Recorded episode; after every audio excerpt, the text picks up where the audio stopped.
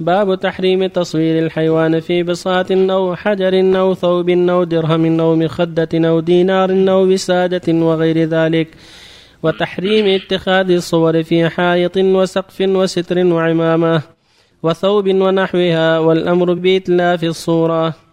عن ابن عمر رضي الله عنهما أن رسول الله صلى الله عليه وسلم قال إن الذين يصنعون هذه الصور يعذبون يوم القيامة. يقال لهم أحيوا ما خلقتم متفق عليه. وعن عائشة رضي الله عنها قالت قدم رسول الله صلى الله عليه وسلم من سفر وقد سترت سهوة لي بقرام فيه تماثيل. فلما رآه رسول الله صلى الله عليه وسلم تلون وجهه وقال يا عائشة أشد الناس عذابا عند الله يوم القيامة الذين يضاهون بخلق الله. قالت فقطعناه فجعلنا منه وسادة أو وسادتين. متفق عليه.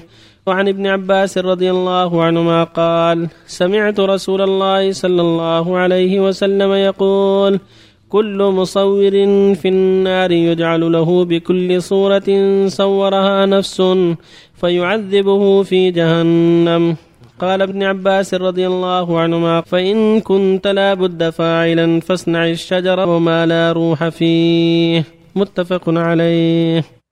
وبالله التوفيق الله الحمد لله. وصلى الله وسلم على رسول الله وعلى آله وأصحابه. أما بعد هذه الأحاديث الثلاثة وما جاء في معناها كلها تتعلق بالتصوير.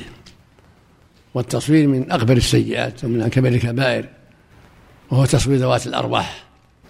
من حيوانات طائرة أو ماشية كلها يحرم يحرم تصويرها. الإبل والبقر والغنم وبني آدم والطيور.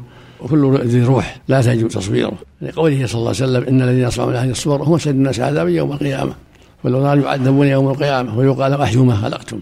في اللفظ الآخر أشد الناس عذابا يوم القيامة المصورون. في اللفظ الآخر الذين يضاهئون بخلق الله. في الحديث الآخر كل مصور في النار حديث ابن عباس. يجعل له بكل صورة صورها نفس يعذب بها في جهنم. في حديث أبي جحيفة قال الرسول صلى الله عليه وسلم أكل الربا وموكله وكاتب وموكله. والواشمة والمستوشمة والمصور. فالواجب على كل مؤمن أن يحذر ذلك. فإذا كان ولا بد كما قال ابن عباس فتصوير الشجر والجماد لا بأس. شجرة جماد صورة طائرة لا بأس. أما تصوير من حيوان آدمي أو غير آدمي فلا يجوز بل يجب الحذر من ذلك لأنه مضاهاة لخلق الله. والله جل وعلا لا يرضى بذلك. بل سبحانه يمنع ذلك. ولأن التصوير وسيلة إلى شر. كثير تصوير المعظمين وسيلة إلى العبادة من دون الله. تصوير النساء وسيلة للفواحش تصوير غيرهم وسيلة إلى شرور كثيرة. وقد هلك قوم نوح بأسباب الصور. لما صوروا ود وسواع ويغوث ويعوق ونصبوها في مجالسهم عظمت بعد ذلك واتخذت أوثانا وأصناما تعبد من دون الله. وكانت أول حدث وقع في الشرك. بأسباب الصور سورة ود وسواع ويغوث ويعوق ونسر. قال لهم الشيطان لما ماتوا في زمن متقارب وهم رجال صالحون قال صوروا صورهم وانصبوها في مجالسهم حتى تذكروا أعمالهم. وقصد الخبيث أن يغريهم بعد طول المدة أو غيرهم حتى يعبدوهم من دون الله. فوقع ذلك. فأرسل الله إليهم نوحا ودعاهم إلى توحيد الله واستمر في دعوتهم ألف سنة إلا خمسين عاما.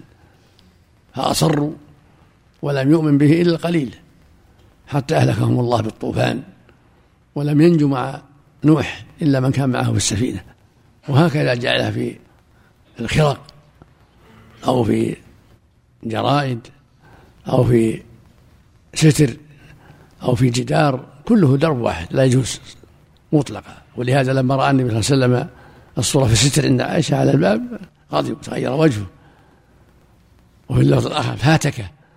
يعني قطعه وقال إن أصحابه يعذبون يوم القيامة. قالت فجعلنا منه وسادة وسادتين. هذا يدل على أن الصورة إذا كانت في شيء يوطى ويمتهن لا بأس في البساط في الوسادة. يمتهن لا بأس. لكن لا يجوز التصوير لكن إذا وقع وجد الصورة في بساط في وسادة هذه تمتهن لا حرج. في الشيء اللي يمتهن. لكن شيء يلبس أو يعلق لا يجوز. وفق الله الجميع. ترجمة المؤلف الله. يسلمك ترجمة الباب قال تحريم تصوير الحيوان في بساط أو حجر أو ثوب في, كل شيء. مخدة أو دينار. في كل شيء نعم. لكنه ما ذكر الامتهان الله يسلمك الامتهان معروف يمكن يأتي باب آخر. النبي صلى الله عليه وسلم لما اتخذته وسادة وسنتين ترك ذلك في حديث أبي هريرة أنه صلى الله عليه وسلم وعد جبرائيل فتأخر جبرائيل. فخرج إليه فقال إن في البيت تمثالا وغراما فيه صورة وكلب. فأمر برأس التمثال يقطع حتى يكون هذه الشجرة. وأمر بقرام أن يبسط بسادتان منتبذتان. وأمر بكلب أن يخرج. ففعل النبي صلى الله عليه وسلم فدخل جبرائيل عليه الصلاة والسلام. بالنسبة صلى الله عليه وسلم في الحديث فليخلقوا ذرة على منع التصوير مطلقا. لا لا لا, لا يعني عامة العلماء ما عدا ذوات الأرواح. لأن هذا تحدي من باب التحدي. والنبي صلى الله عليه وسلم إنما حرم ذوات الروح ذوات الأرواح. أما تصوير حجر مثل ما قال ابن عباس حجر أو جبل أو شيء نعم. الله إليك. بالنسبة لي مثلا إذا صور صورة وضع خط على الرقبة أحسن الله إليك. ما يكفي لابد يزال الرأس يزال الخط ما يكفي.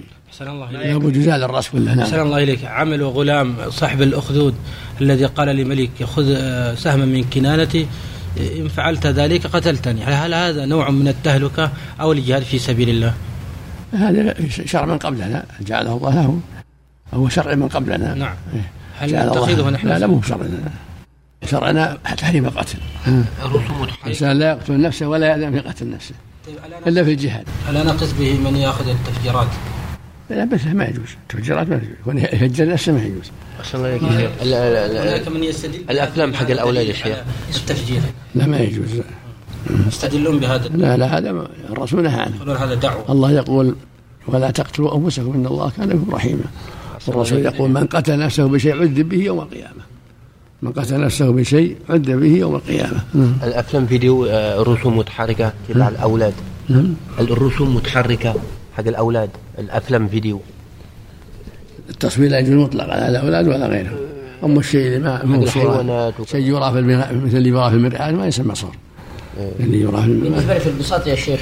ما في شيء يعني. اللي يرى ولا يصور ما يسمى بالنسبة للبساط أو المفروشات يكون مرات الصورة يعني ظاهرة في المخدات الاسم على من صورها. أما أنت ما عليك شيء اللي تعطاها ما عليك ما عليك الاسم على من صورها. طيب وشاريها ما يدخل في ما يدخل في النهي؟ لا لا. شاريها ما عليك شيء. ما دام صار يمتهن ما يجوز أيوة. لكن اللي, اللي يعلق هو اللي يمنع. يعلق أو يلبس ما يجوز. ولا يصلى عليه الله. لا يصلى عليها ما يضر لكن بس إنها نقوش قد تشوش عليه صلاته. كون السجاده خالية من النقوش حتى غير الصور. ما هي نقوش الله يسلمك صورة كاملة. صورة نفسها. أقول أشد أشد من النقوش. نعم الله يسلمك. وأنها لا يصلي عليه حتى لا تشوش عليه صلاته. من باب أفضلية لكن لو صلى الصلاة صحيحة. ما في شيء. الله إليك البطانيات والمخاد أحسن الله. إليك. كذلك البطانية ممتحنة مثل وساد أحسن الله إليك. الشيخ آه، يعوق نسرة وكذا. كانوا من الصالحين هم؟ كانوا من الصالحين صوروا صورهم. من الدعاة يعني. فعبدت من دون الله. نسأل الله. العافية